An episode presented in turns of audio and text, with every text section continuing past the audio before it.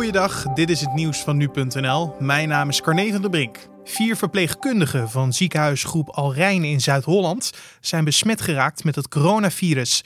Dit na een incident met een familielid van een patiënt. Het familielid was positief getest op het coronavirus, waar het ziekenhuis vanaf wist. Maar de persoon deed ter plekke beschermingsmiddelen uit en af. Uit boosheid tegenover het personeel over de behandeling van de patiënt. Het valt niet met zekerheid vast te stellen dat de verpleegkundigen de besmettingen hebben opgelopen door dit incident. Maar het ziekenhuis ziet alsnog voldoende reden om aangifte te doen vanwege de schokkende ervaring. De vorige maand ontdekte martelkamer in een container in Wouwse Plantage lag vol met attributen die gebruikt konden worden om te martelen.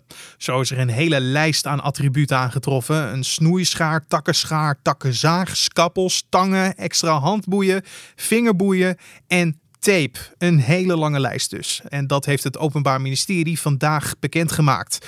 Zes andere containerruimtes waren ingericht als cel. NRC schreef vorige week op basis van bronnen over de martelcontainer en meldde toen ook dat er zes verdachten waren opgepakt. Het OM bevestigt dit nu.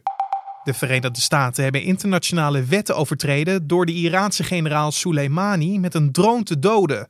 Dat blijkt uit onderzoek van de Verenigde Naties. De dood van de generaal in januari zorgde voor grote spanningen tussen Iran en de VS.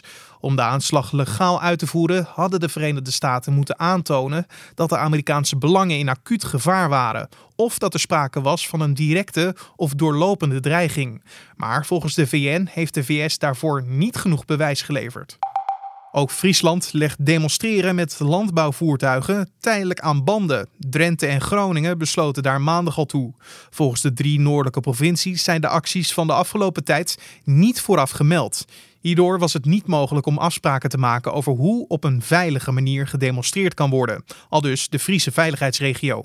Actiegroep Farmers Defence Force noemt het verbod een oorlogsverklaring en daagt de veiligheidsregio Drenthe voor de rechter. En tot zover de nieuwsupdate van nu.nl.